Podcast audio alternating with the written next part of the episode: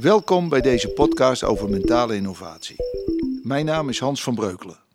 Samen met Benno Diederiks en Bas Kodde brengen wij eind mei het boek uit met de titel Mentale innovatie zet het leven naar je hand.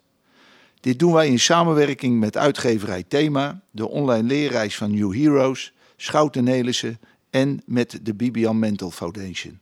In de aanloop naar de lancering van ons boek zullen wij als warming-up met mensen in gesprek gaan die ondanks hevige teleurstellingen en bijzondere gebeurtenissen in hun leven toch de regie hebben weten te houden, met vallen en opstaan.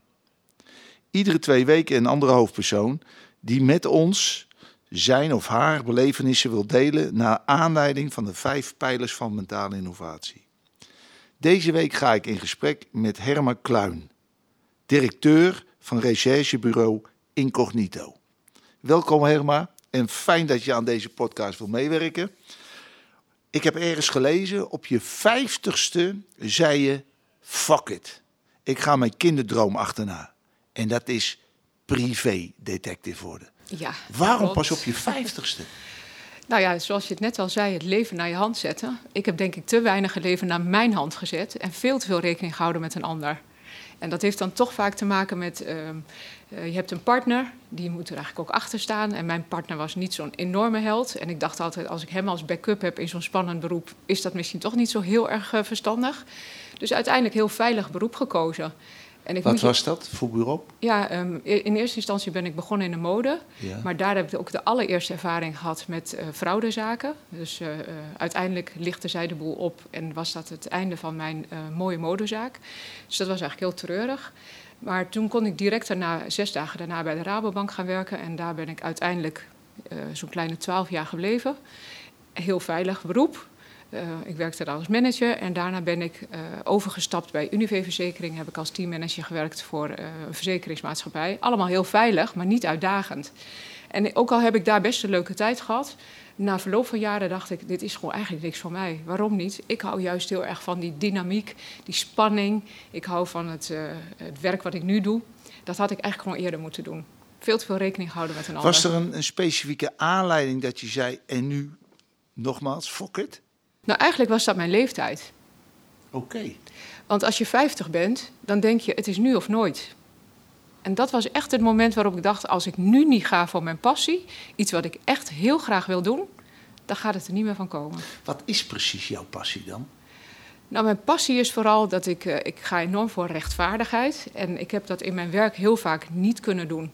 Want als je bij een bank of een verzekeraar werkt, dan gaan dingen soms anders, omdat protocollen anders zijn. Of je moet je houden aan eh, hele strakke maatregelen of zaken die voor jou worden bepaald.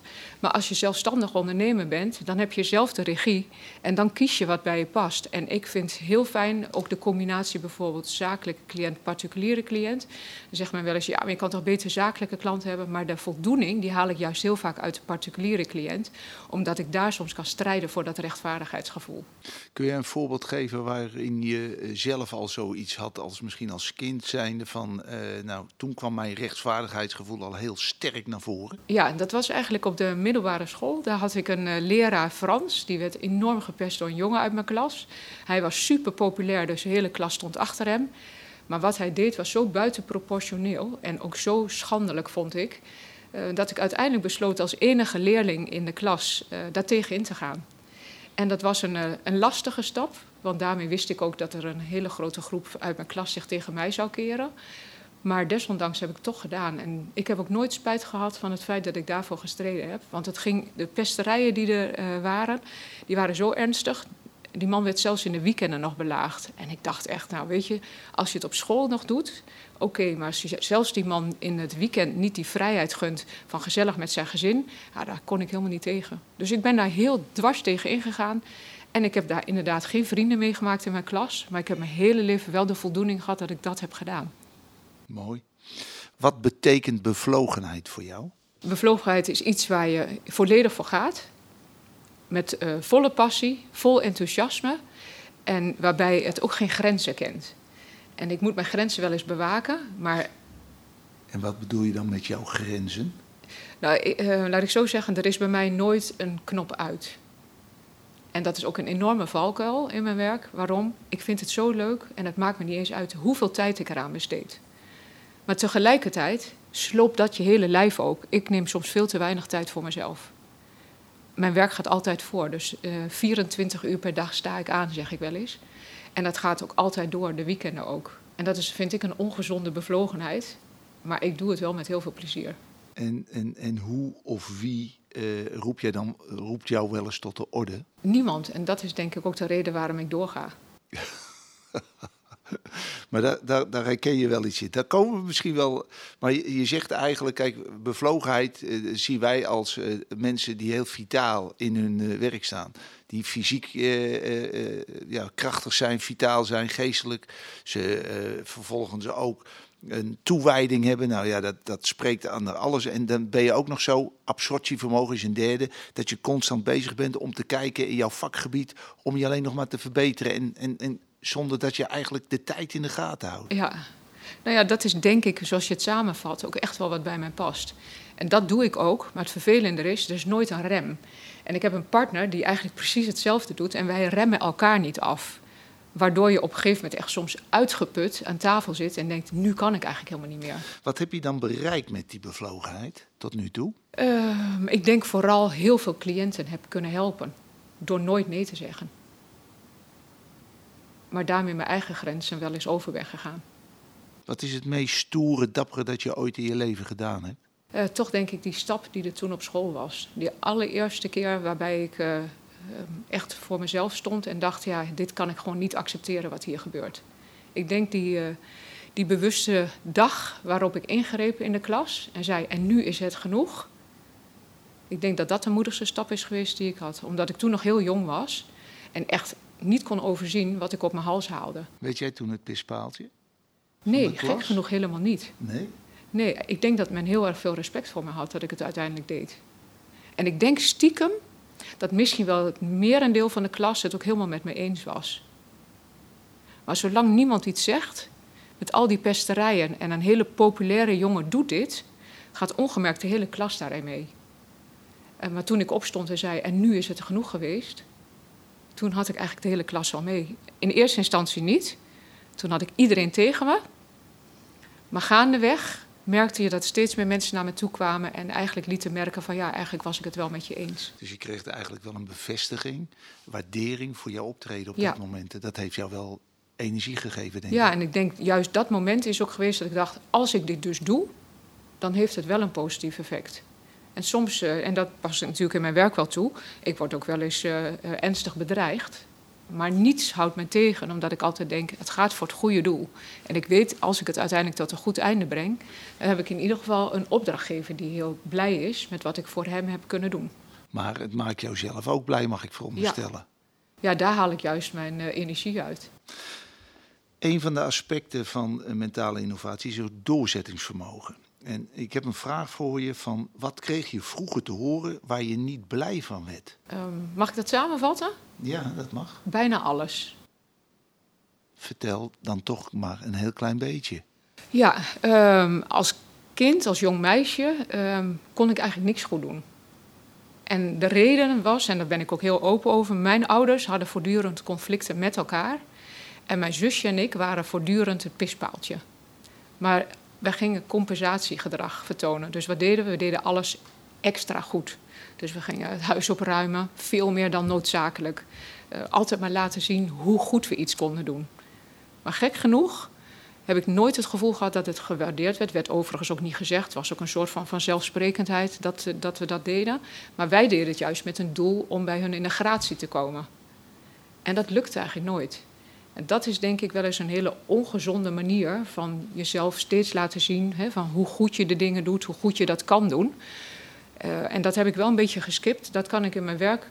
Nu denk ik wel eens, joh, als je niet vindt dat ik het niet goed doe, vind ik het eigenlijk ook wel prima. Dan vind je het maar niet goed. Dat is denk ik wel vanuit de vroegere situatie ontstaan. Uh, daar kon ik niks goed doen. En dat is treurig. En tegelijkertijd heeft mij dat ook gesterkt om het juist anders te gaan doen. En hoe heb je dat anders gedaan dan?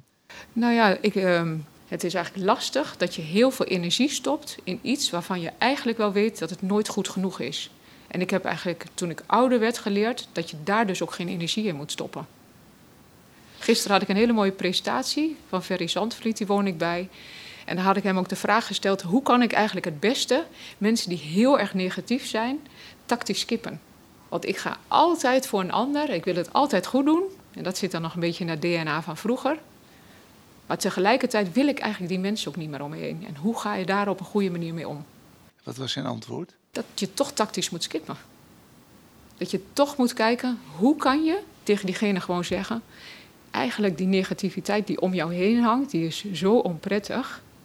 Weet je wel hoe dat voor mij is? Het is best leuk om met jou om te gaan... maar het is niet zo heel erg leuk om altijd die negativiteit van jou te ervaren. Snap je dat ook? Ferry van Zandvliet is een van de de klan-overlevers. exact, ja. ja. En die echt een groot voorbeeld is in positiviteit. Mooi. Ja. Maar ook negativiteit op een goede manier heeft kunnen filteren. Wat gebeurde in jouw leven toen je merkte dat doorzettingsvermogen voor jou belangrijk was? Uh, in alle facetten.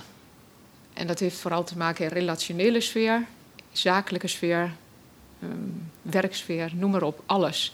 Doorzettingsvermogen is iets wat ook bij me past. Ik doe niet anders dan doorzetten. Ik haak niet zo heel snel af. Ik laat het ook niet snel afweten.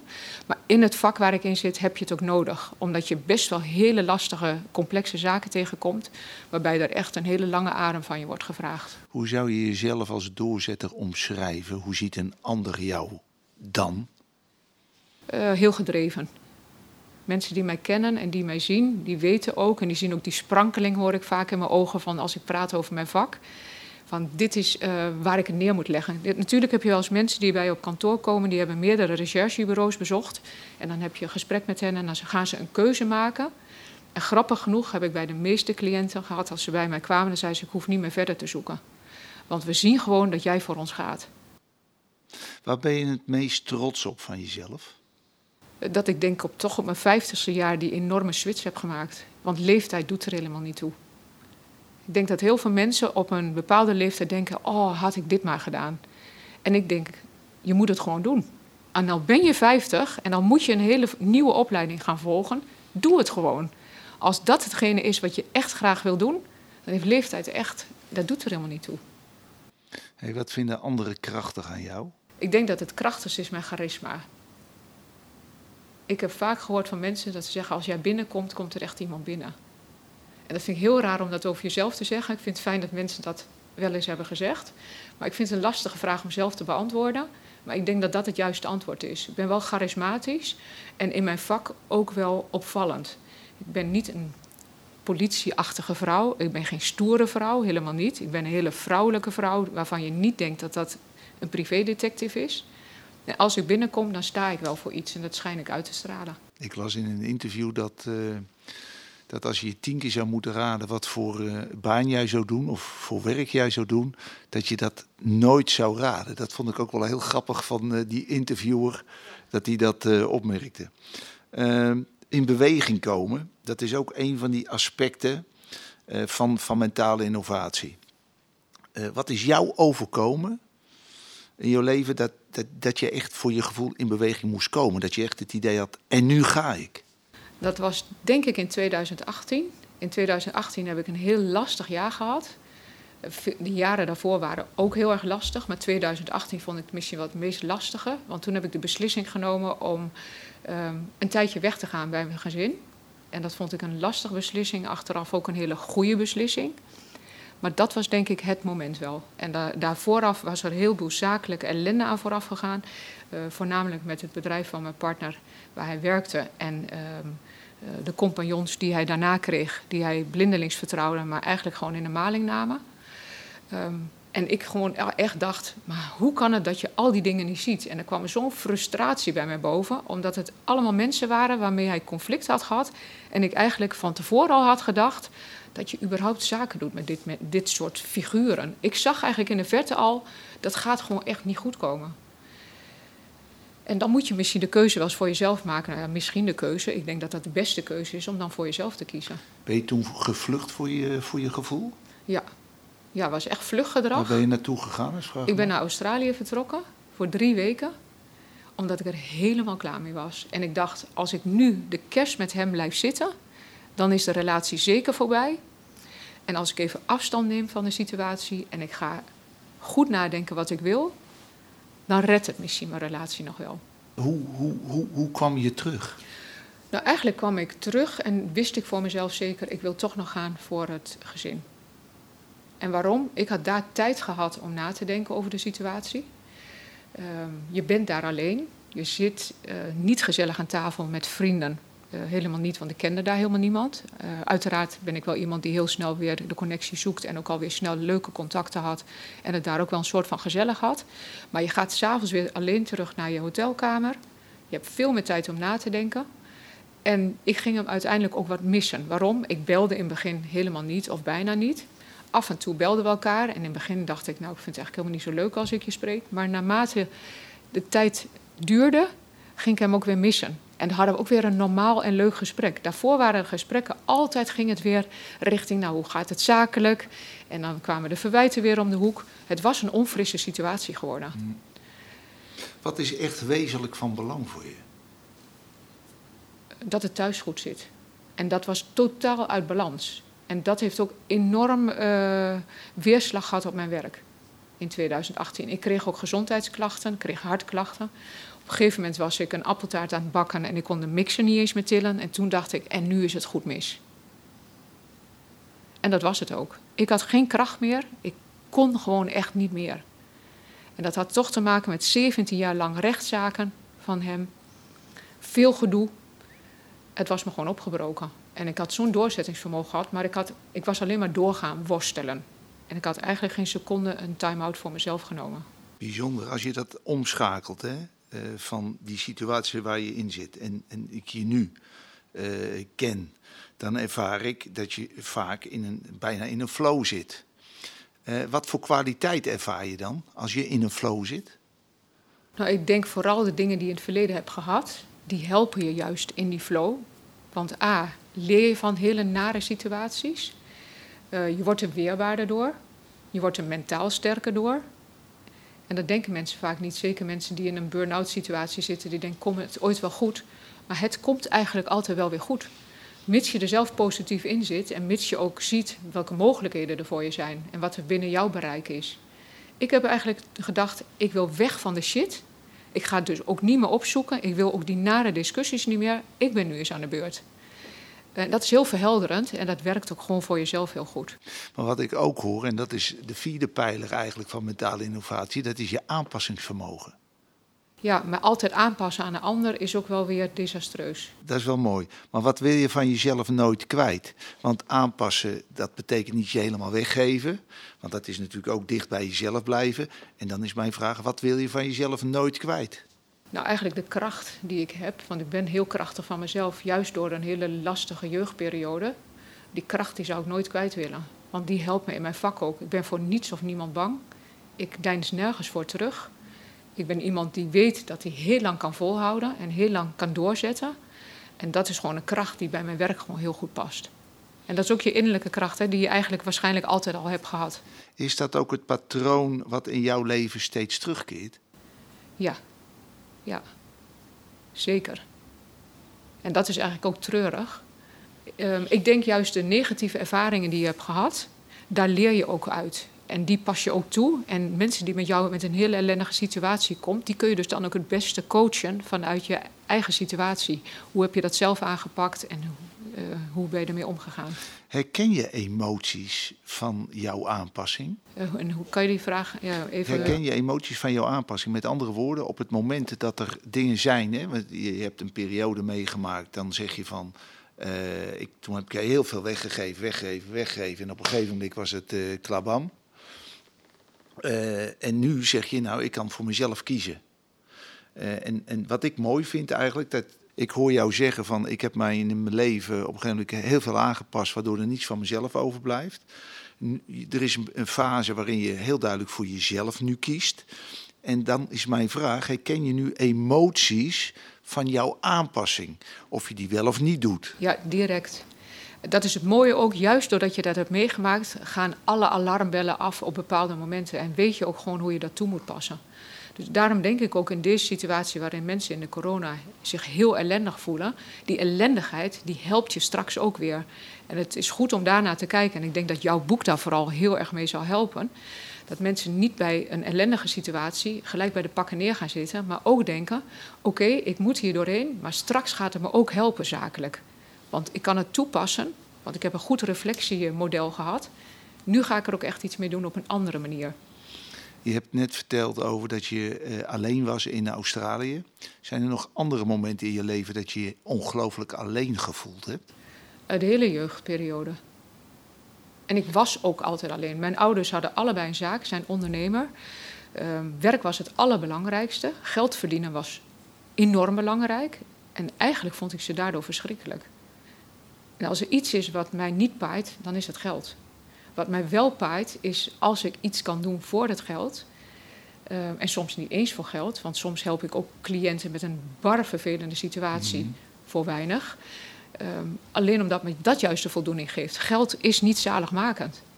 En mijn ouders waren zo geldgericht en zo weinig liefdevol. Ik heb daar gewoon echt niks aan gehad. Heb je ook niets positiefs van je ouders overgenomen? In jouw persoonlijk uh, leven? Nou, het is misschien lastig om te zeggen. Mijn vader vond ik eigenlijk de minst leuke van beide. Maar ik lijk er het meest op. In welk opzicht? Eigenwijs. Ja um, volhardend op een manier die echt soms ongezond was. Ja. Een beetje dominant. Hij was verschrikkelijk dominant, maar ik vind mijzelf ook wel dominant. Um, hij had geen inlevingsvermogen. Die heb ik juist wel. Want ik dacht altijd zoals hij dat had, zo zou ik het nooit willen. Mm -hmm. Dus daar heb ik ook wel van geleerd. Eigenlijk krijg je van je ouders altijd wel wat mee. Dus ik, vind, ik heb ook wel goede dingen uh, die ik bij beiden zie. Zij waren inderdaad ook echte ondernemers uh, ging ook alleen maar voor de zaak.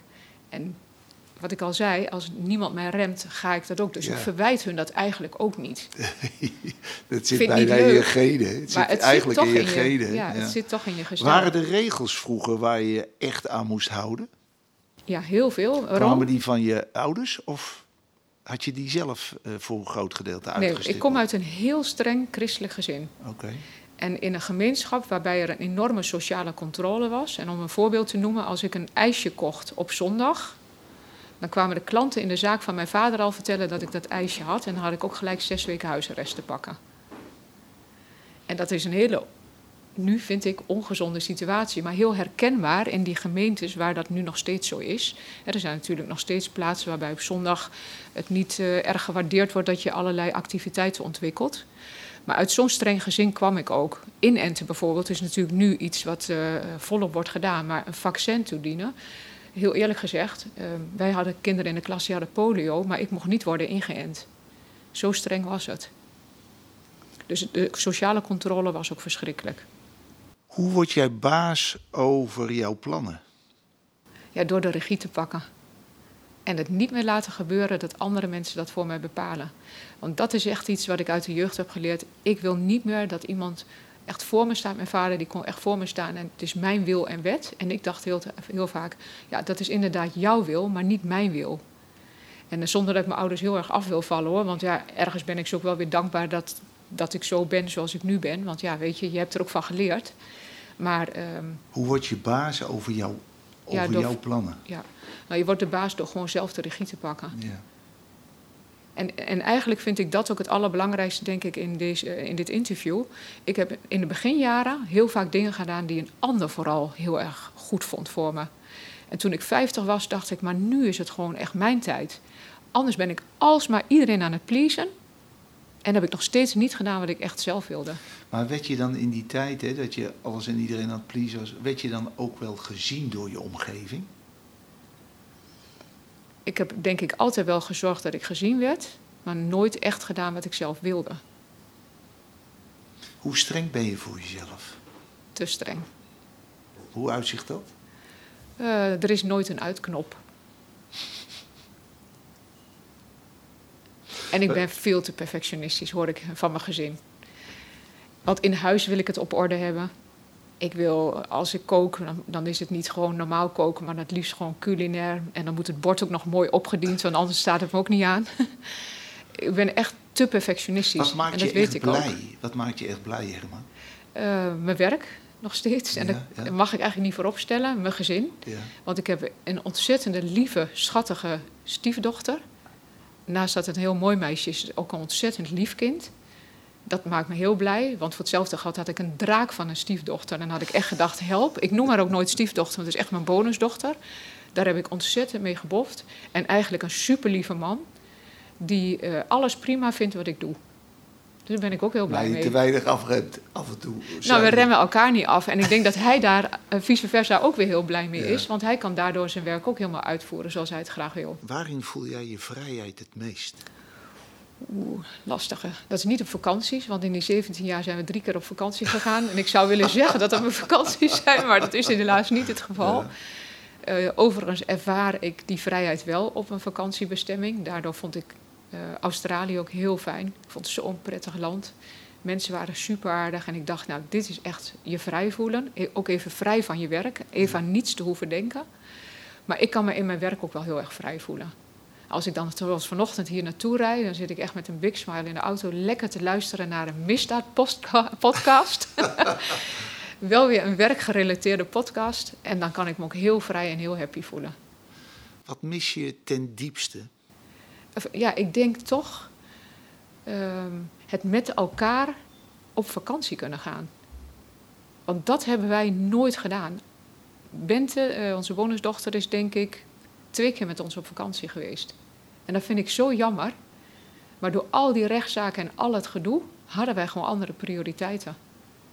En kwam het er gewoon niet van. En ik denk, dat mis ik denk ik wel, dat wij gewoon echt met z'n drietjes gewoon weg kunnen gaan. Even weg van het werk, even weg van alles. En even niet aan te hoeven staan. Een mooi, mooi vooruitzicht. Ja, Toch? ja zeker. Ja. Hey, Ja. Wat verwacht je van jezelf?